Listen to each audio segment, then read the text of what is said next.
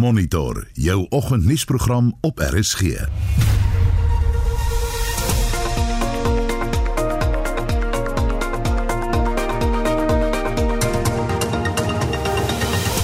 In vanoggend se program kom er oor sprinkaan pla in die Noord-Kaap, Vrystaat en Noordwes. Kenners verskil oor of president Putin kernwapens sal gebruik. Die gesprek net na 07:30 en om 10 oor 7, wie is in president Putin se binnekring?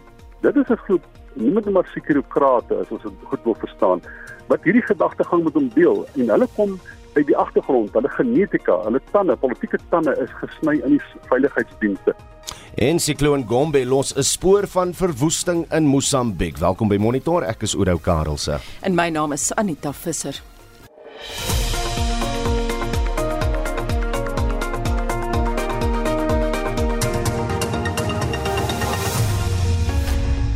Jason wat sê die koerante vanoggend. Al die swart seun is vry, so berig beeld. Nou jy sal onthou in 2008 het 'n 18-jarige seun, 'n seun van 16 met 'n swart vermoor by die Nick Diedrichs of die Hoër Tegniese Skool Nick Diedrichs in Klerksdorp.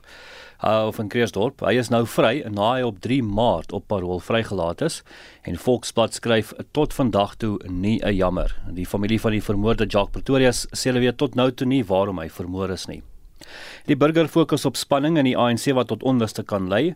Die waarskuwing is uitgereik deur die Dink Tank Government and Public Policy en die Instituut vir Sekuriteitsstudies. 'n Spanning tussen die elite en die ANC het volgens die verslag onbestuurbaar geraak. En wat die sakekoerant Business Day betref, fokus hulle op Naspers. Naspers slums most in more than 2 decades on tense instructions. Nou uh, Anita die WeChat paydiens kan beboet word omdat hulle finansiële regulasies in China oortree het en beleggers het gou hulle aandele verkoop na hierdie nuus gebreek het. En Absa voorspel 'n 50 golf COVID-infeksies en Twitter-gebruikers dryf nou die spot met die bank wat hulle sê nie mediese raad moet gee nie. Een gebruiker @randycg vra skertsend: "Weet iemand van 'n goeie dokter wat my finansiële portfolio kan hanteer?" En uh, ek kan gerus onder die hitse Absa en COVID-19 SA na die gesprekke gaan kyk. En dit was Justin met 'n blitse nuusoorseig. Nou waaroor praat ons vanoggend? Wel, die lyding en verlies aan basiese menseregte van gewone Oekraïense en Russiese landsburgers is in die kollig met die voortsleepende oorlog in Oekraïne. Ter viering van Menseregte Maand van dese maand in Suid-Afrika, vra ons vanoggend Hoe meen jy staan sake met betrekking tot die daaglikse uitleef van jou menseregte hier in ons land? Deel jou mening met ons op die SMS lyn 45889. Dit kos R1.50 per SMS. Jy kan ook 'n stemnota stuur aan 0765366961 of praat saam op die Monitor en Spectrum Facebookblad. Agri Noord-Kaap se eerste beroep op die privaat sektor om dringend te help met die bestryding van die sprinkaanvlaag in die provinsie operasie was suksesvol. Die situasie het egter intussen vererger en nog hulp word benodig. Ons praat veraloggend met Agri Noord-Kaap se president Nicol Jansen. Môre Nicol. Môre Anita. Hoe erg is daai plaag? Moet ons almal besorg wees? Anita, ja, die plaag is erg, regtig waar ons maak geweldig baie sprinkane dood, maar daar's nog baie wat vir ons sit en wag weet jy en hulle sit ook nie so heeltemal en wag nie hulle is besig om op die vlerk te kom. So Agri Suid-Afrika het hulle half miljoen rand het hulle rampfonds uit beskikbaar gestel vir vir die Noord-Kaap sowel as die Wes-Kaap. En dit is om die departement van landbou se hand te sterk. Die departement van landbou het twee helikopters in die lug plus die grondspanne wat aangewend word maar kom net nie by al die sprinkane uit nie. En daarom moes ons met 'n uh, hulp van 'n uh, uh, publieke privaat vennootskap die departement se handvat om met privaat fondse te help sodat ons nog 'n vliegtyg in die lug kan kry wat al so 'n omgewing van 10500 hektaar in die Noord-Kaap gespuit het en dan ook in die Wes-Kaap daar by Mariesburg 'n geweldige klomp uh, sprinkane. Nou Mariesburg se sprinkane is al op die vlerk en moet vroegoggends net voor hulle dan nou op die vlug kom uh, bespuit word om die departement se hand te kan vat. Nicole, nou hier net om weer by daai vraag uit te kom. Hoekom moet Suid-Afrikaners wat in ander dele van die land bly ook besorgd wees oor hierdie plaag? Uh Oudo, weet jy, ehm um, dit is 'n geweldige groot uitbraak. En daar waar hierdie sprinkane sit, vreet hulle absoluut op wat voorkom. Hulle maak werklik waar die grond kaal. So dit is in die in die Karoo gedeeltes waar hulle tans is, maar die oomblik as hulle op die vlerk kom beweeg hulle in 'n oostelike rigting en kan tot 80 en 100 km op 'n dag beweeg vir alles hulle 'n bietjie wind van agter het. En dit gaan hulle dryf na die besproeiingsgebiede teen die Oranje en Vaalrivier, sowel as die saaigebiede in die Vrystaat wat geweldige skade aan hierdie gesaides kan veroorsaak. Maar maak ook geweldige ongerief wanneer so swerm vleers in 'n dorp beland. Saans waar die ligte brand, pak hierdie sprinkane al wat 'n huis en 'n deur is wat oop is, kom die sprinkane in en dis werklik waar baie baie uh irriterend en baie sleg as so swerm in 'n dorp toe sak. Nicole, jy het nou gepraat van 'n half miljoen wat jy aan een kant gesit het om die plaag te probeer uh uh iets van die verlede maak, maar sê vir my, die private sektor is nou ook betrek. Hoeveel geld het julle nodig? Ja, en intel sal moet daai half miljoen bo by Agri SA weer aanvul. Nou gelukkig het Santam Landbou en Sanlam vir ons 'n 200 000 rand beskikbaar gemaak. Vrystaat Landbou en Agri Noordwes saamantlik 'n 100 000 rand, maar ons ons sal moet uh, die die die half miljoen weer aanvul sodat ons kan voorsiening maak weer vir die toekoms vir rampe. En dan gaan dit nie hier stop nie want ons het nog nie die plaag gewen nie. So ek vra werklik waar vir maatskappye daar buite uh, wat uh, belangstel of ons sal help met hierdie public private partnerships as ek dit so mag noem sodat ons die departement se hand sterk. Jy weet dit is 'n geleentheid om ook vanuit die publiek vir die regering te wys dat ons is ernstig om hierdie land te maak werk. Ons wil hierdie plaag help be, be, uh, uh, keer en en en bestry sodat ons nie enorme skades in ons saai gebiede tot gevolg het nie. Gelukkig reën dit en die natuurlike veiding herstel, maar dit gaan nie die geval wees as ons by die gesaides en die besproeiingsdele uitkom nie. Nico, wat gebeur as die plaag nie tot niet gemaak word nie? Wel, hierdie plaag se omvang is van so 'n aard dat dit astronomies gaan wees. Onthou net dat hierdie sprinkaan lê geweldig baie eiers. So hulle is nou op die vlerk, die die die voorpunt. So hulle gaan nou begin broei en oral waar hulle gaan sit snags, uh, kan hulle dan wanneer uh, hulle gepaar het uh, uh, eierpakkies in die grond lê en dit kan lei tot 'n mega uitbraak die volgende jaar. As ons nie hierdie getalle kan afbring en hierdie groot uitbraak kan uitdin nie, kan dit opbou tot 'n me mega uitbraak in die toekoms wat totaal en al onbestuurbaar en onbespreekbaar geraak. Hierdie is in elk geval die eerste jaar, net vinnig, wat jy 10500 hektaar met 'n vliegtuig spuit. Dit het nog nie gebeur nie. Hmm. Ek wil jy's vir jou vra het ons al van tevore in Suid-Afrika 'n soortgelyke plaag gehad. Ek kan nie herinner die mense geheue is ook maar kort, maar die oorsprinkaan beamptes wat al baie jare hiermee kom, is dit eens dat die grootte, die digtheid selfs van voetgangers nog nie so groot was dat lugbespuiting effektief op voetgangers gedoen kan word nie. So definitief is is hierdie spesifieke ronde uh, hierdie vlaag uitbraak uh gaan in die in die geskiedenisboeke opgeskrywe word as van die grootste, van die digste, met ander woorde van die meeste sprinkane wat in 'n vlag voorgekom het. So hy's definitief aan die opbou en dis op laas jaar se se se se uitbraak wat ons gehad het en en verjaar die uiters gunstige toestande. Help dit dat ons nou ten minste na die die kouer maande, die wintermaande begin beweeg Nico? Nee, dit help nog nie. Uh dit gaan eers help wanneer die eerste ryp val. Met ander woorde, die intree datum van ryp, uh dit bekondig die die einde van die sprinkane aan. Hulle hulle um oorleef nie in die wintermaande met die ryp nie. So die koeler toestande help nie. Dit is eers wanneer as die winter ingaan en die eerste ryp val wat hierdie sprinkane 'n natuurlike dood begin sterf. En dis nog 'n paar maande weg. So hierdie klomp vleers kan nog baie groot skade aanbring as ons hulle nie onder bedwang bring.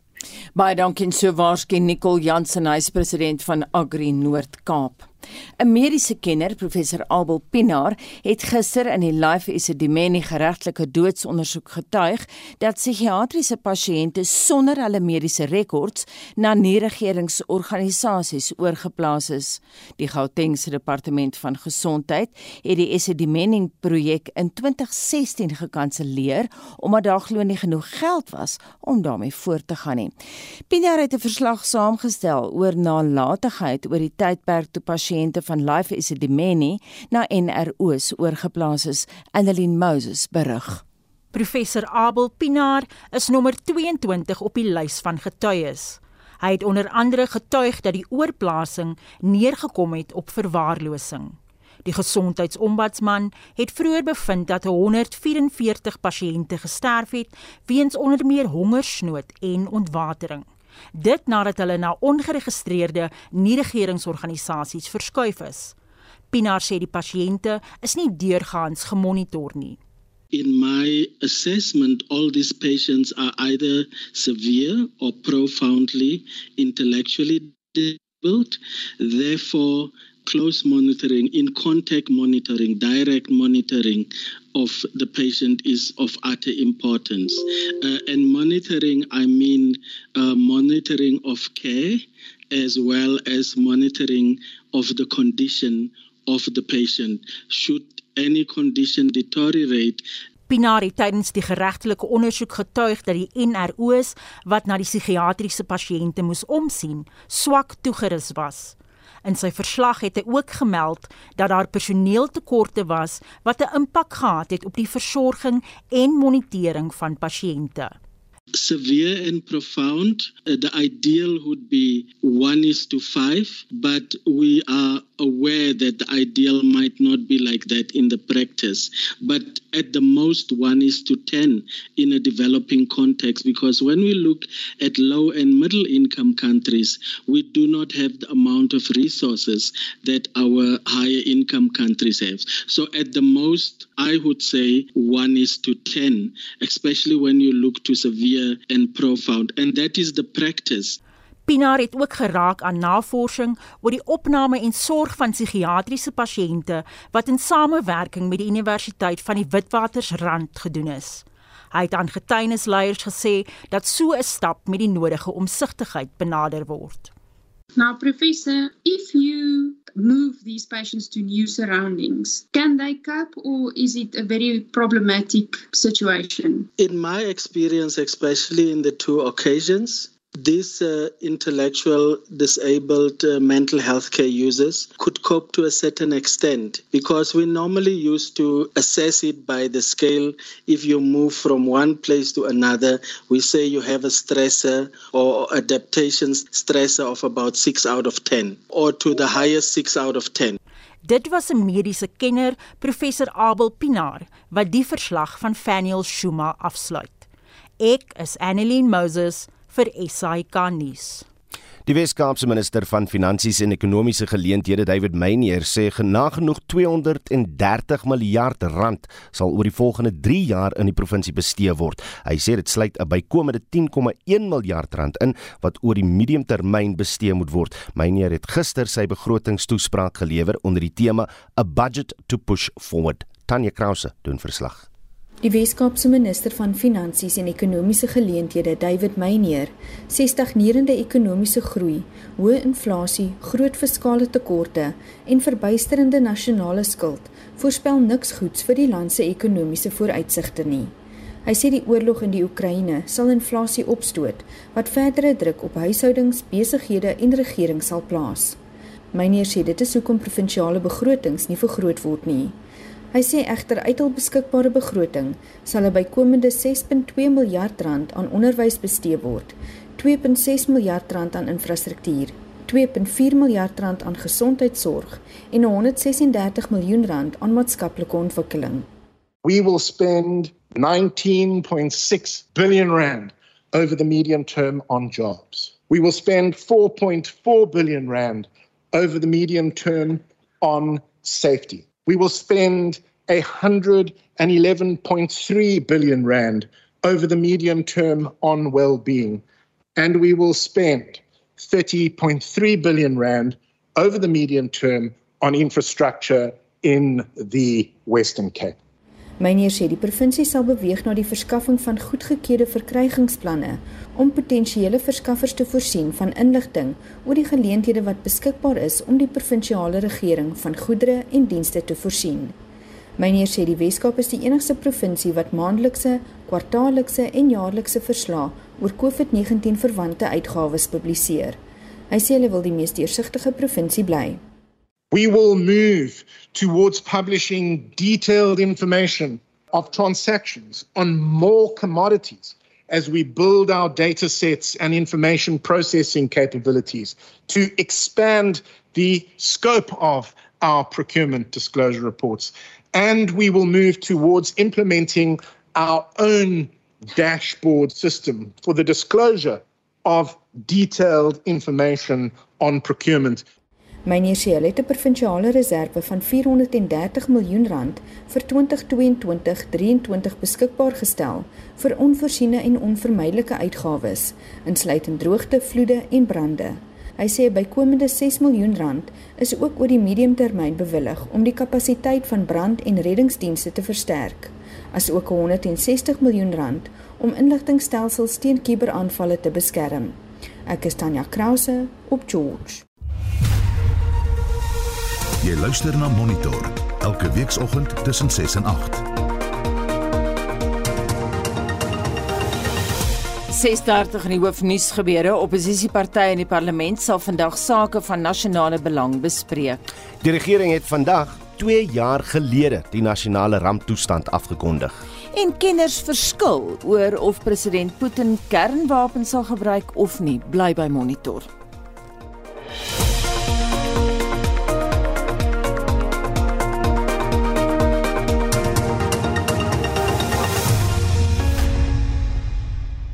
Daar is geen verkeer. Goeiemôre, ek is Estie de Klerk en ek hou vanoggend vir jou oog op die paaie en ons begin in Kaapstad. Daar staan 'n voertuig by N2 uit die stad uit ehm um, by Smitsweg in die linkerbaan word versper. Daar is druk verkeer op die R300 in 'n noordelike rigting by die N1 afrit en daar staan ook 'n voertuig op die N1 suid by Hindelweg en dit versper die noodbaan daar.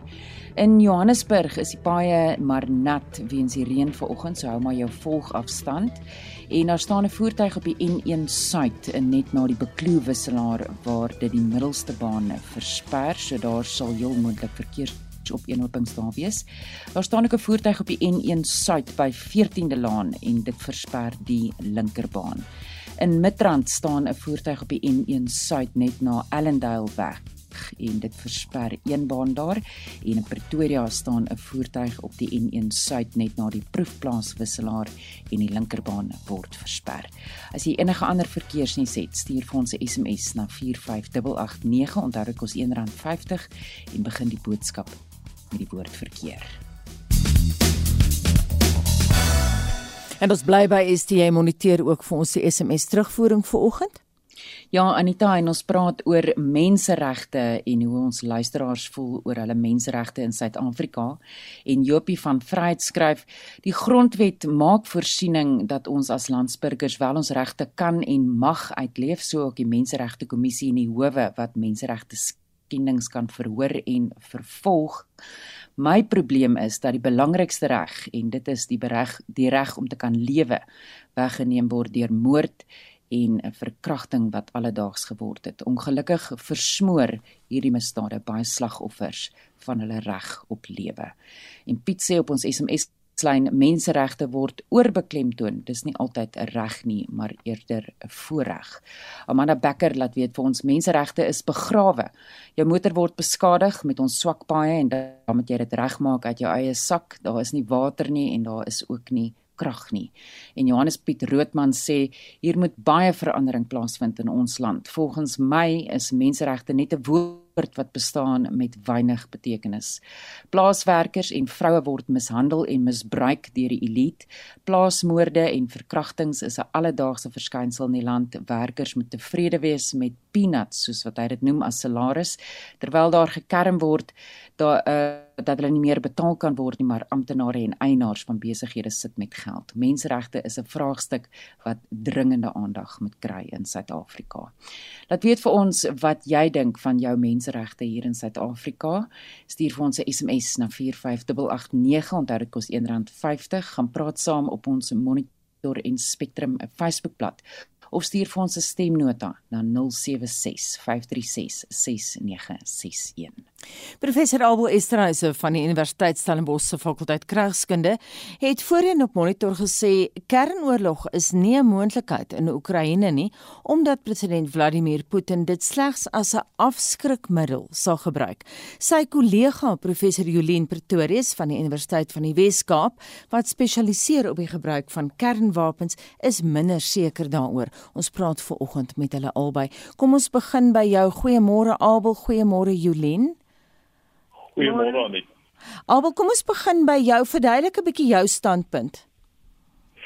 Wel, eh, eh, ek wil net my standpunt ehm um, dink ek moet 'n mens omskryf rondom die genuanceerde verstaan van kernwapens aan die een kant en aan die ander kant dat 'n uh, mens moet kyk na situasionele faktore en uiteraard die situasie op die grond uh is besig om te verander uh dit het van die begin van die oorlog af dink ek vir Putin anders uitgewerk as wat hy dit wou uitgewerk het. En ehm um, as 'n mens al twee faktore stel faktore in, in ag wil neem dink ek nog steeds uh Putin is iets wat besig met iets wat van 'n bluf wat sy kernwapens uh regiment aanbetref.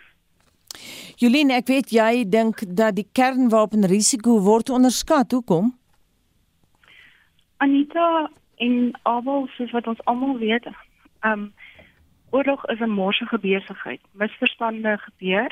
En kom ons kyk na wat Putin se dreigement was in hierdie geval. Hy het gesê as NAVO betrokke raak, dan sal hy kernwapens gebruik. Bluff hy? Wel, ons weet nie, maar ons weet wel dat indien NAVO direk militêr betrokke raak, dan raak hierdie risiko groter. En dit neem basies net een missiel wat per ongeluk van die van ehm um, Pole se kant af wat in Pole land van die Russiese kant af om NAVO se ehm um, se verdedigingsklausule artikel 5 in werking te laat tree. En dan is NAVO betrokke by hierdie konf, by, by hierdie konflik militêr betrokke. En dit ehm um, kan die risiko ver, vergroot. Nou ons weet dat die Amerikaners baie lig loop. So hulle neem hierdie dreigement van Rusland baie ernstig op. Hulle het byvoorbeeld 'n toets van 'n missiel wat 'n standaard toets is wat hulle elke jaar doen, het hulle gekanselleer sodat hulle nie enige foute maak nie, maar foute gebeur. Wat beteken NAVO betrokkenheid vir Putin? Beteken dit byvoorbeeld die verskaffing van sekere ehm um, militêre ehm um, sekere wapens weer eens sien ons dat die offer van Pole om vliegtye aan te bied vir die Oekraïne. Die Amerikaners was baie vinnig om dit van die van die hand af te wys. Ehm um, so weer eens kry mense al gevoel dat die Amerikaners op hulle senuwees is oor hierdie dreigement. Ons kan ook natuurlik die dreigement in Rusland se breër kerndoktrine sien. Nou Rusland sê dat hulle kernwapens sal gebruik indien die staat se voortbestaan en soewereiniteit in gedrang gebring word. Maar doktrine is ook vir interpretasie en Putin kan voel dat die sanksies wat die weste instel teen Rusland die land se voortbestaan wel bedreig. Hy kan self sien dat die staat se voortbestaan gelykgestel word aan sy eie leierskap wat in gedrang gebring word deur die sanksies of as hy hierdie oorlog verloor. Ehm um, die westerse leiers het gesê dat hulle wil Putin is 'n oorlogsmisdadiger, um, hulle wil regeringsverandering sien in Rusland. So weer eens sien mense hierdie eskalering van 'n retoriek en die eskalering van 'n moontlikheid dat Putin wel kern die motivering kan hê om kernwapens te gebruik. Abel, wil jy 'n repliek lewer? Ja, ek ek verskil nie van van haar nie. Ek ek dink sy ehm uh, sy sy sit geldige punte op die tafel.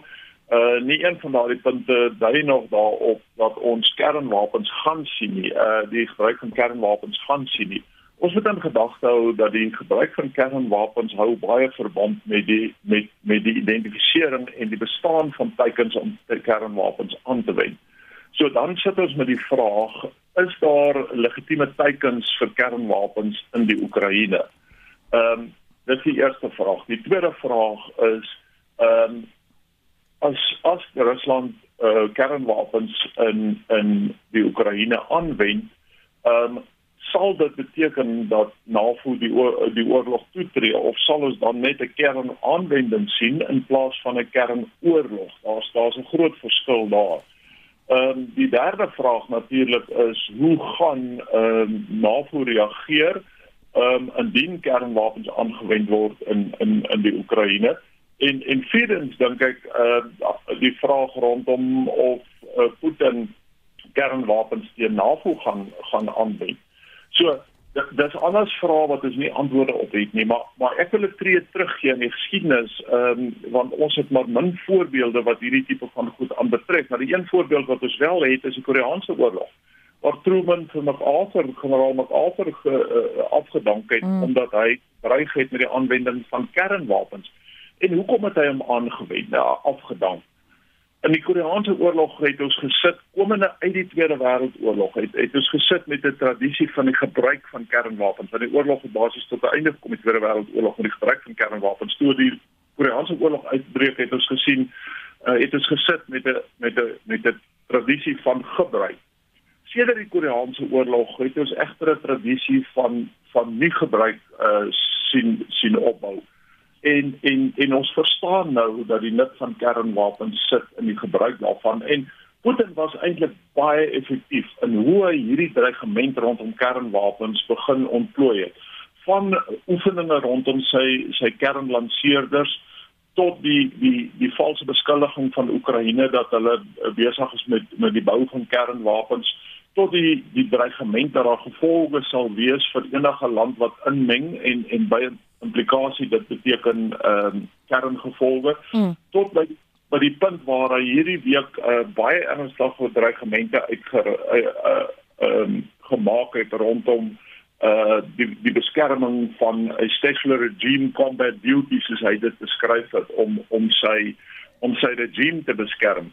So so ons sien hier 'n opbou ehm um, van dreigemente mm. en en waar ek Jolien gelyk moet gee is dat ek dink die die weste het eintlik vir Putin nou uh in 'n in 'n hoek ingedryf waar hy baie baie min opsies het. Wat is sy opsies? Hy kan onderhandel, hy kan onttrek, hy kan eskaleer wat kernwapens insluit, maar maar Putin se se beweegruimte is besig om baie min te word. Sy sy sy strategiese beweegruimte is uh, uh, en die strategiese opsies vir hom op die tafel is besig om baie min te raak en hoe minder daardie opsies raak ehm um, hoe groter dink ek raak die kans dat ons wel die oorweging sal sien van die Putin regering uh, van die gebruik van van kernwapens. Mm. Abel, ek wil vir 'n oomblik by jou bly want ek verstaan nie iets wat jy gesê het nie.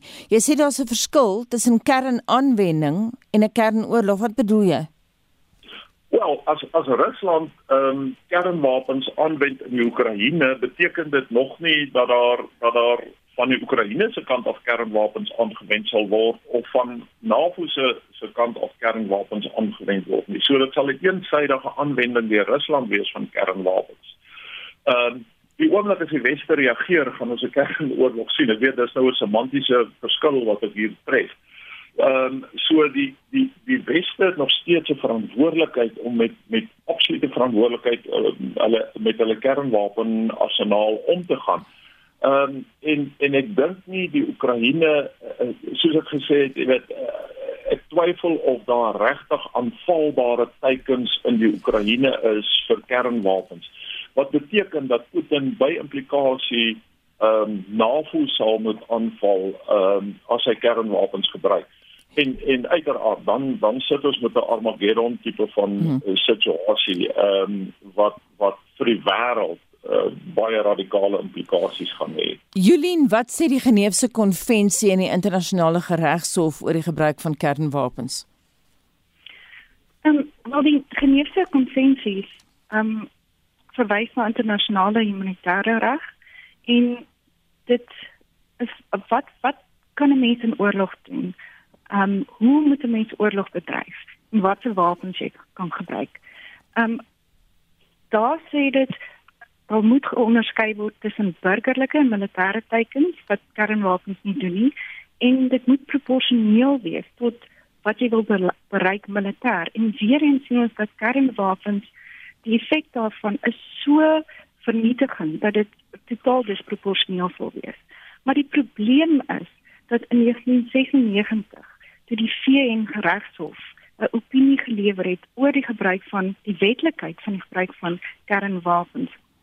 Hulle nie eksplisiet kon sê dat dit onwettig is in alle gevalle nie. Hulle het dit oopgelaat dat daar in party gevalle waar dit kom by die voortbestaan van 'n land as dit in gedrang gebring is, kon hulle nie sê dat die gebruik van kernwapens onwettig sou wees nie. So daar is 'n gaping hier en dit is presies die gaping waarop Rusland hulle kerndoktrine baseer. Aber kom ons praat 'n bietjie oor chemiese of biologiese wapens. Dink jy dit gaan gebruik word? Weereens, ehm um, ek twyfel of die Oekraïne oor chemiese en biologiese wapens beskik niks wat ek nog sover onder oog gehad het dui daarop dat daar in die Oekraïne van van daardie wapens beskikbaar is nie maar ons weet Rusland het daardie wapens beskikbaar so weer eens is 'n geval van welke Rusland van besluit om om hierdie wapens aan te wend.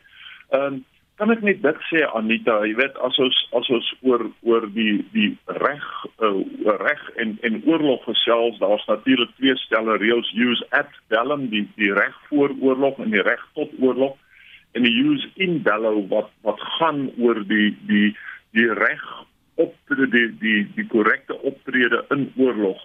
Ehm um, en en in beide gevalle het ons eintlik reeds die grens oorskry eh, oorskry in beide van hierdie twee groeperings van regsreëls uh het ons reeds van Rusland se kant af gesien dat dat hulle die die internasionale regsreëls oortree het want daar's ernstige vrae oor die use at bellum beginsel met ander woorde Rusland se reg tot oorlog in in die Oekraïne en daar's ernstige vrae rondom hoe Rusland ehm uh, wapentuig aangewend het teen byvoorbeeld burgerlikes en wat ons nou sien die die ooglopende ehm uh, doelbewuste vernietiging van die stede. So so dis 'n belangrike punt wat ek dink ons moet maak dat ons alreeds die die die verbreeking sien van internasionale regsreëls rondom oorlog. Die tweede punt wat ek wil maak en ek dink dis 'n belangrike punt om te maak is dat die vernietigende effek van van uh, kinetiese wapens ehm uh, het, het by die punt gekom waar dit eintlik net so vernietigend indien nie indien nie meer vernietigend is as kernwapens nie veral op die wyse waarop Putin en en Rusland nou kinetiese wapens aanwend in die Oekraïne deur geboue te skiet. Julien, jy wil vinnig inkom, ons moet klaarmaak. Wil jy 'n repliek lewer daar vinnig? Ja. Algo ek is jammer my kollega maar dit is absoluut verkeerd wat jy daar sê. Kernwapens is in 'n klas van hulle eie.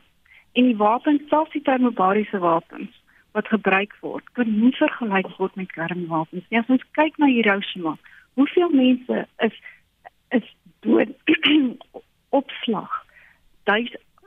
85000 en 'n stad is vernietig. As ons kyk na die termobariese wapens wat wat nou in in Oekraïne gebruik is.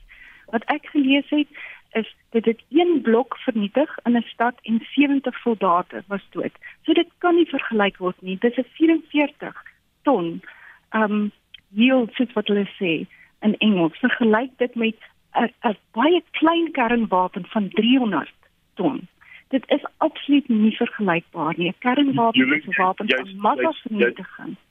Jy's absoluut reg. Ehm um, wat wat een die die gebruik van een kernwapen aanbetref, maar as jy oor 'n periode van 3, 4, 5 weke 'n stad gelyk maak met kinetiese wapens, dan kom dit eintlik maar neer tot 'n groot mate toe behalwe die die, die lewensverlies is waarskynlik nie op die die die vlak waarop dit sal wees met kernwapens nie. Maar die punt is ons ons het eintlik al die die punt bereik waar die moontlike teikens wat Rusland kon aangeval het met kernwapens in die Oekraïne alreeds so vernietig is met uh met kinetiese wapens mm. dat 'n mens regtig 'n vraagteken ek, plaas. Ek is vreed, om, maar Abel verder kan ons gaan kernwapens gebruik radioaktiewe materiaal. Dit kom op in die lug en versprei. Dit is kinetiese wapens doen dit nie. So so die gevolge van 'n kinetiese wapen bly lokaal waar 'n radioaktiewe ehm um, wapen generasies daarna 'n impak lewer en 'n hmm. baie verder verspreiding van die impak is wat oor die hele Europa insluitend Rusland sal wees. So ek dink nie mense kan die twee vergelyk nie. Ek is bevrees ja, ons sal moet haal troepie so abel want ons het ander onderhoude wat gevoer moet word en daai gesprek was met professor Jolien Pretorius van die Universiteit van die Wes-Kaap en professor Abel Esterhuise van die Universiteit Stellenbosch se fakulteit krygskunde. Weer terug op tuisbodem en leidense verslag van die Wêreldbank is Suid-Afrika weer bo aan die database van die mees ongelyke lande ter wêreld en dit uit 'n totaal van 164 lande. Dit plaas die fokus weer eens op ongekende sosio-ekonomiese probleme waaronder die hoë werkloosheidssyfer, onrus, misdaad, 'n groot gedeelte van die bevolking wat verhonger uh, en daarbey 'n swak opvoeding ontvang. Om die saak vir ons te belig, praat ons nou met 'n besoekende professor aan die Wits Besigheidsskool, Jannie Rousseau. Prof, môre welkom terug by Monitor. Goeiemôre Oudo en goeiemôre aan die luisteraars. Waarop het die Wêreldbank gefokus om die lys te kon saamstel? Die Wêreldbank kyk na verskeie aspekte Oudo onder meer na opvoedingsvlakke, maar dan ook natuurlik 'n groot fokus op werkloosheid en daaruit die verspreiding van inkomste. Nou in Suid-Afrika het ons 'n baie ernstige werkloosheidsprobleem wat natuurlik beteken dat daar baie mense is in Suid-Afrika wat nie inkomste verdien nie en dit lei tot groot ongelykheid. So skets net bietjie meer vir ons die prentjie oor ons ongelykheid in Suid-Afrika. Wel, mens kan ongelykheid op twee maniere meet. Jy kan dit in terme van welvaart meet of jy kan dit in terme van inkomste meet. Die uh Lorenz kurwe word daarvoor gebruik en die Gini koëffisiënt word daarvolgens bereken En in albei gevalle het Suid-Afrika van die hoogste Gini koëffisiënte in die wêreld wat wys dat beide ons welvaart en ons inkomste van die skeefste in die wêreld is. Hmm. Interessant genoeg egter as 'n mens dieselfde berekening doen vir mense wat wel werk het, kry jy heeltemal 'n ander prentjie. So die groot verskil in Suid-Afrika is die massa mense wat nie werk. Mm. En, en en net daaromtrent ons sien hoe die regering al hoe meer uh, uh, uh, uh, meer geld spandeer om die welsyns of sosiale net uit te kring groter te maak. Uh, so mense moet seker dan aanskou dat dit as 'n wekroep vir die regering uh, uh, is. Maar maar dui dit net aan dat daar eintlik bitter min is wat die regering nog kan doen? Wel, hierdie regering moet dit moontlik maak vir klein sake en vir ander ondernemings om werk te skep in ons ekonomie. En die een groot voorwaarde daarvoor is ononderbroke elektrisiteitsvoorsiening. Hmm. So hierdie regering moet ophou droom van goed so slim stede, sogenaamde smart cities en so meer. Dis drome wat gaan nagmerries word en moet energie spandeer om die probleme by Eskom uit te sorteer sodat daar ononderbroke elektrisiteitsvoorsiening kan wees investering sal daarna volg en uitinvestering sal diensneming volg. Die groot vrees natuurlik is is terwyl ons wag vir vir dit om geskep te word, uh, bestaan 'n groot kans dat uh, die onluste wat ons vir hierdie jaar gesien het, uh, weer terug kan keer. Ja, natuurlik is daar altyd die risiko dat onluste kan terugkeer veral wanneer baie mense ontevrede is. Die groot stelsel van sosiale toelaas wat die regering natuurlik betaal, is 'n poging om herhaling te stuit, maar die absolute oplossing is werkskepping in Suid-Afrika en daarvoor moet die regering die voor die hand liggende dinge doen sodat werk geskep kan word. En so gepraat van werkskepping, die Wêreldbank verwelkom Suid-Afrika se belegging in onderwys, maar meld dat dit nie noodwendige verbetering in onderwyskwaliteit beteken nie. Wat kan gedoen word om gehalte onderwys te verseker en die gaping dan te vernou? Ja, uh, wat ons nodig het in Suid-Afrika is baie meer onderwysers in skole en baie minder bureaukrasie by onderwysdepartemente. In Suid-Afrika se geval was daar baie groter groei in indiensneming by onderwysdepartemente as wat daar indiensneming by skole was. Hmm. So ons het minder bureaukrasie nodig in die onderwys en meer onderwysers, meer mense wat voor klasse staan en vir kinders onderrig gee. En net laastens, ons het verlede week weer begin praat, ons is my elke jaar doen rondom internasionale vrouedag. Hoekom is daar steeds 'n groot gaping tussen die salarisse van mans en vroue in Suid-Afrika? Wel tradisioneel het uh jong manne beter opleiding gekry as jong vroue. Daar was tradisioneel meer jong mans op universiteit as wat daai jong vrouens op universiteit was. So tradisioneel het mans beter kwalifikasies gehad. Veral in landelike omgewings het vrouens vroeër uit die skool uit gegaan en daar's 'n duidelike verband tussen die vlak van onderrig en opleiding en die salarisse wat mense oor 'n leeftyd verdien. So waar vrouens swakker opleiding gekry het, gaan hulle oor hulle leeftyd swakker salarisse verdien en daar gaan dus hierdie gaping bly bestaan. Die manier om dit op te los is om te sorg dat daar ook vir vrouens, vir jong dames dieselfde opleidingsgeleenthede is as vir jong mans. Is ons Jannie ten minste op die regte traject as dit kom by by die wat die regering doen om die gaping te vernou? Wel, uh Udo, ek aanvaar jy praat van die onderwysgaping. Dit lyk my of ons wel vordering daarmee maak, maar as jy vir my praat van of ons op ander plekke op die regte traject is, is die antwoord ongelukkig nee. Ons het reeds 15 jaar beerdkrag die regering kan nie Eskom se probleme oplos nie. Ek en Leon Lou en Joachim Vermoten het uitgewerk die hulp wat SAA gekry het in reële terme beloop reeds meer as 90 miljard rand en die regering wil nie van SAA ontslaa raak nie. Hulle wil nog steeds 'n lugdiens hê. So die regering het nog te veel sosialistiese beleidsrigtinge waar hulle vasklou en laat nie vir die privaat sektor genoeg ruimte om te funksioneer in die ekonomie nie. En dit was besoekende professor aan die Wits Besigheidsskool Jannie Rousseau. Daar is woorde wat 'n mens baie keer ook heeltemal verkeerd sing. Daar is so baie van hierdie liedjies wat jy dink jy sing al die jare reg. In hierdie geval gee dit vir my met sing asseblief. Hi, ek is AJ. Ons het altyd vir Sylvia's mother geluister. Ons het sommer gesê and the yard but a hero says morning says more. Maar eintlik was dit and the operator says 40 cents more. Ryk ek dalk 'n wyntjie? Is dit jy? Moet ek nou so ver van jou af bly? 360 saam met Johan Rademan en Martelies Brink. Weekdae tussen 1 en 3 net hier op RSG. Daar is geen verkeer. Begin in Kaapstad. Daar staan 'n voertuig op die N2 in die rigting van die stad by die N2M3 wisselaar. En twee bane word versper en op die N2 tussen Botchet's Quarryweg en die M5 is 'n vertraging van hulle sê sowat 23 minute. Die verkeer beweeg daar baie stadig, die net 20 km/h. So wees maar geduldig as jy in daardie rigting bestuur of in daardie rigting is. Ehm um, in Pretoria beweeg verkeer teen 'n slakkepas op Eskia Mpathlele vanaf die R80 hoofweg in die rigting van uh, Womhagen en daar was 'n ongeluk in Pretoria tussen verskeie voertuie op die N1 suid by die vleiende Pieringwisselaar en die regterbaan word versper. In KwaZulu-Natal in Pietermaritzburg was 'n botsing tussen taksies. Dit lyk of dit twee taksies is by die Northway winkelsentrum. Dit reën ook daar, so die paaie is nat, so wees maar versigtig daar. As jy enige ander verkeersnuus het, laat weet vir my by 45889. Dit kos jou R1.50 per SMS en begin die boodskap met die woord verkeer.